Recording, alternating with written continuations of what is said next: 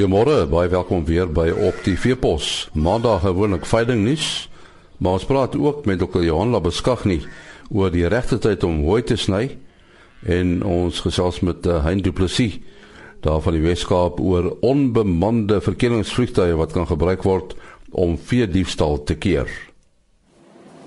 Dit is eintlik 'n uh, uitkoms uh, Hein as 'n mens probleme het uh, om nou mee te begin met met uh met vee diefstal nê.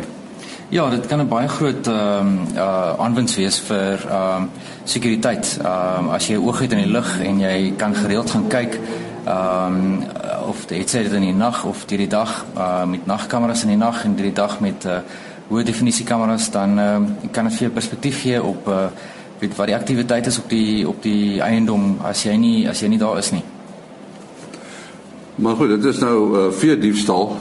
Uh as 'n mens uh, kyk na iets soos uh ja lande waar daar een of ander siekte in is, uh, kan so 'n vliegtuig dit ook opspoor. Ja, beslis. Uh, ons het nou onlangs baie toetse gedoen waar ons um groot areas uh gekarteer het met uh, spesiale multispektrum kameras en uh deur middel van dit kan ons duidelik sien waar daar swak groei is, waar goeie groei is, waar daar probleme is met water, uh probleme met siektes en en net so meer moet 'n mens baie bedrewe wees om so 'n vliegtuig te kan hanteer. Ons beoog om die produk so maklik as moontlik te maak om te gebruik.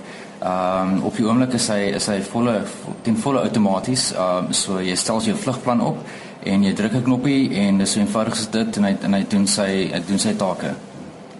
Uh hoe hoog vlieg mense met so 'n vliegtuig tipies? Dit hang af uh, wat jy wil doen. Ehm um, gewoonlik is dit so 100 meter, 120 meter. Ehm um, ons vlieg laer as ons heininge afneem om te kyk na die integriteit van die heininge, so dan so, so 60 meter. Ehm uh, maar is min wat is oor 100 meter vlieg. As 'n mens nou so 'n verkenning doen met behulp van 'n kamera neem ek aan, is dit 'n intydse verkenning of word die foto's daarna eers afgelaai? Uh so 'n bietjie van albei. Ehm um, jy het 'n video uh uh soos hulle sê real-time video ehm um, uh op jou stasie en jy kan sien waar die vliegtuig vlieg, so jy kan hom uh hernavigeer. So as jy wil hê jy moet uh, na 'n plek toe gaan wat vir jou interessant lyk of wat 'n aktiwiteit is, dan kan jy kan jy hom stuur na daai plek toe. Maar tipies um, as hy geland het dan laai die die hoë definisie uh beeldmateriaal af en jy gaan deur die foto's self om te kyk uh weet of alles in plek is. Nou weer terug by die vee diefstal. Uh as as mens uh nou nou so 'n vliegtuig het uh, uh moet jy mens homself beheer of is daar iemand wat bedrewe is om te doen Daar's 'n paar um, basiese dinge wat mense moet bewus wees van. Ehm um, met natuurlik is daar 'n opleidingsprogram vir so 'n dag of twee en ehm um, en uh, ons probeer se voorheen gesê het om dit so maklik as moontlik te maak om te gebruik. Uh jy moet bewus wees van die windrigtings ehm um, en en daai tipe basiese dinge so so dan laai die regte vlugprogram en ehm um, En ja, jy hoef nie te kan vlieg nie, jy hoef nie dit te kan bestuur nie. Uh dis net 'n kwessie van die die inligting laai in die rekenaar en uh, die inligting deur te stuur na die vliegtuig toe en hy doen sy ding. Hy styg op van self, hy vlieg sy roete en hy land self. Uh, moet 'n spesiale toestemming van die lugvaart owerheid hê om so 'n vliegtuig te te bedryf? Op hierdie stadium vroeg in 2015 nie.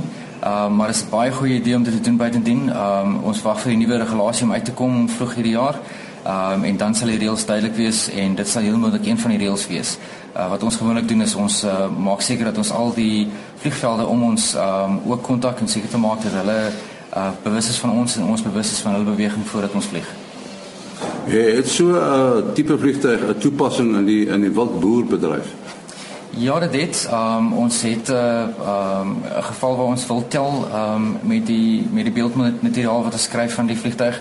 Ehm um, en dan het ons ook ehm um, 'n stelsel wat ons ontwerp wat uh ehm um, die die trekking doen op die op die diere. So uh, ons het 'n 'n oortag wat wat vir ons 'n uh, kans gee om om uh, die ehm um, die diere op te spoor um, uit die lug uit. So dan weet ons hoeveel diere daar is en waar hulle is en of hulle nog in hulle kampe is. Uh en sodra hulle by die kampe is, dan kan ons dit optel uh, deur middel van die die ehm um, die UAV in die lug. Hmm. En dan natuurlik die groot probleem met renosterhorings wat geoes word, né? Ja, dis natuurlik uh, altyd die groot probleem. Ehm um, daar's uh, geweldig baie eksperimente wat gedoen word met uh, met UAV's en um, alles om dit Ehm um, en ehm um, ek dink ehm um, die die groot probleem is uh, die die die UAV is is deel van 'n groter oplossing. Ehm um, dit is nie 'n soos hulle sê silver bullet nie. Ehm um, dit is nie baie maklik om om elke dag heeldag oral te wees in die lug en alles te bekyk nie. Ehm um, maar as 'n deel vorm van 'n groter oplossing uh dan dan kan dit 'n uh, baie baie handige ehm um, toepassing hê. Ja, en uh, op jou uit is dit vir jou seker 'n speelding, né? Ag, jy, dit kom daarvan. Ehm um, ons het baie ehm um, toe ek begin het, het ek het ek maar baie geëksperimenteer en ek is in sagteware as 'n agtergrond en ehm um, ek hou daarvan om om dinge te programmeer en om dinge te te laat gebeur. Ehm um, so ehm um, dit was my 'n natuurlike ding geweest om in die in die die droombesigheid in te kom en ehm um, die sagteware te skryf vir dit en dit te uh te maak doen wat wat ons nodig het en van toe af uh, het ons begin sien daar's baie praktiese uh, toepassings en kommersiële toepassings. So dit is definitief 'n uh, uh, passie by my. Nou hierdie soort uh, uh, onbemande verkeeringsvliegtuig toepassing, wanneer sal dit oor die algemeen beskikbaar wees? Ons uh, op die oomblik het ons die toepassing reeds beskikbaar as 'n diens. Ehm um, en uh, ons is besig om die die produk uh te vermaak in in terme van ehm um, gehardheid. Uh weet as jy dag en nag uh vlieg en ehm um, mense wat nie experts is nie dit hanteer dan ehm um, het jy sekere stappe wat jy moet neem voordat dit om die liggaam so gehard as moontlik te maak sodat hy 'n baie lang tyd kan kan uh, kan aktief bly. Ons sê baie dankie aan Hein Du Plessis van RFID Experts. Nou veiling nuus. Op die 3de Maart van die Eastern Dooney Central Nucleus veiling by Tweedale Cathcart Plus. BKB sal die veiling aanbied. Ook op dieselfde datum is daar 'n produksieveiling van 111 Goonies namens Lion Match Forestry vleis sentraal hanteer die veiling op die plaas Clifton in Lothair. Van el boerdery hou op die 3de Maart ook 'n veiling by Weltevrede Excelsior en die veiling word aangebied deur BKB. Op die 6de Maart vind die Sail of the Roses Balmaan veiling plaas by die Afridome Parys. Wêreldklas Balmaan genetika met volle embrio potensiaal gaan te koop aangebied word. SHM hanteer die veiling. En dan op die 7de Maart is die Dara Dormers en Dorcha Dormers se veiling in die Memel omgewing. 650 funksioneel doeltreffende dormers word verkoop. Die veiling word aangebied deur BKB Louet. Tot sover veiling nuus. Ons uh, gesels vanoggend met uh, Dr. Johan Labeskagni. Nou, hy is senior landbounavorser by die Direktoraat Plantwetenskappe aan die Wes-Kaapse Departement van Landbou op Elsenburg. En uh, ons gaan 'n bietjie met hom praat oor die die regte tyd om om hooi te sny. Uh, is daar dan soos 'n regte tyd vir uh, vir hooi sny. Hoekom is dit so belangrik, Johan? Ja, nee, dit is dit is belangrik. Daar is 'n regte tyd, daar's ook 'n verkeerde tyd en as jy die verkeerde tyd sny, dan gaan jy probleme hê met uh, met volhoubaarheid van jou van jou lucernstand. Nou, wanneer is die regte tyd?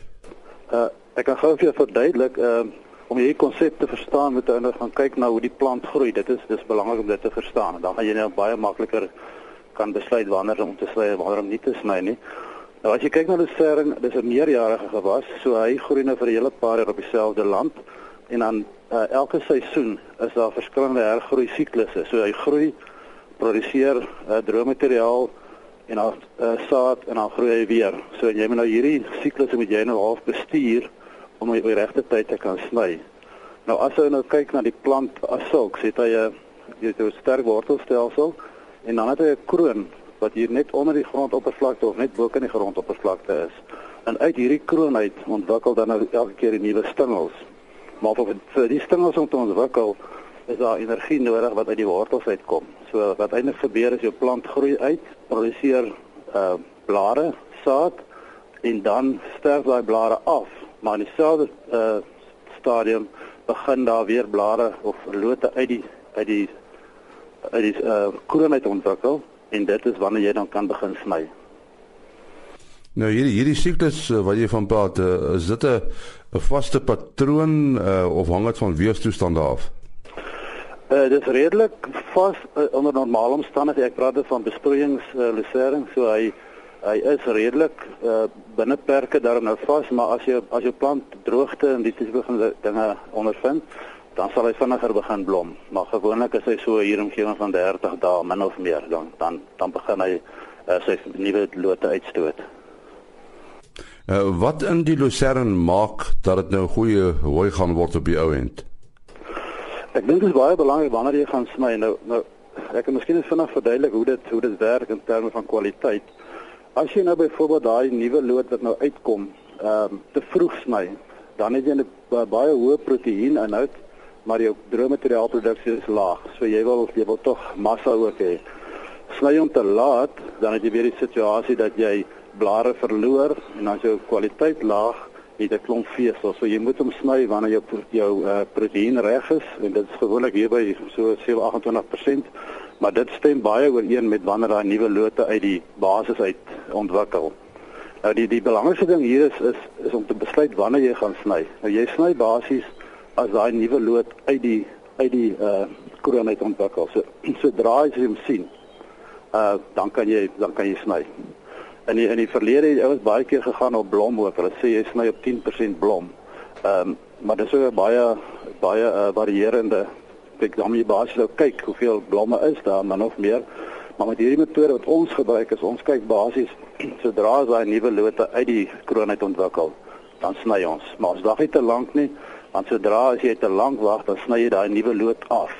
En ek dink dit jy wil dit nie doen nie. Jy wil daai nuwe lood moet beskerm word totdat hy heeltemal uitgegroei het en geproduseer. Uh, jy praat nou so van sny. Uh, is daar net een manier om te sny as ek nou praat van sny ja ons ons sny met snymasjiene uh, dis maar die beste manier om dit te doen. Ehm um, sodra as daai loetjie nou uitkom dan sny jy. Ehm um, en wat baie, baie belangrik hier is dan jou snymasjien moet ook in daai nuwe lood sny. Uh jou grond moet droog wees dat hy dat die materiaal op grond val maklik droog word. En jy moet seker maak dat jy ook nie moet implemente op nat grond ry nie want dan jy verdigting en al die tipe goed. So ehm uh, ja, ons gebruik maar basisimplemente. Ons proe natuurlik nou nie implemente nie, maar die die produsente gebruik groot implemente om dit te sny en te hark en te baal. Ja, as jy as jy die cernplant gesny is, uh jy weet vir hoe kan kan dit be, bewy word? Uh mens kan mens kyk kultivars wat wat goed is vir beweiding. Ons self doen nou nie navorsing op beweide bewybare kultivars nie. Ons doen net navorsing op, op uh, kultivars wat gesny word.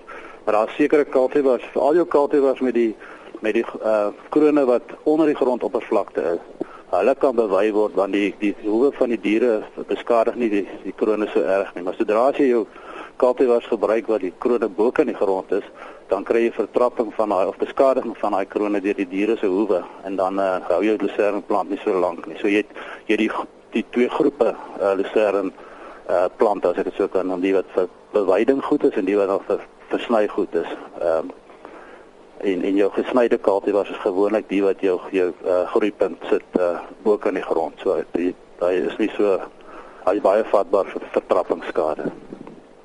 Uh, Johan, jou telefoonnommer 082 uh 082 905 3952. Sê hom weer. 082 905 3952.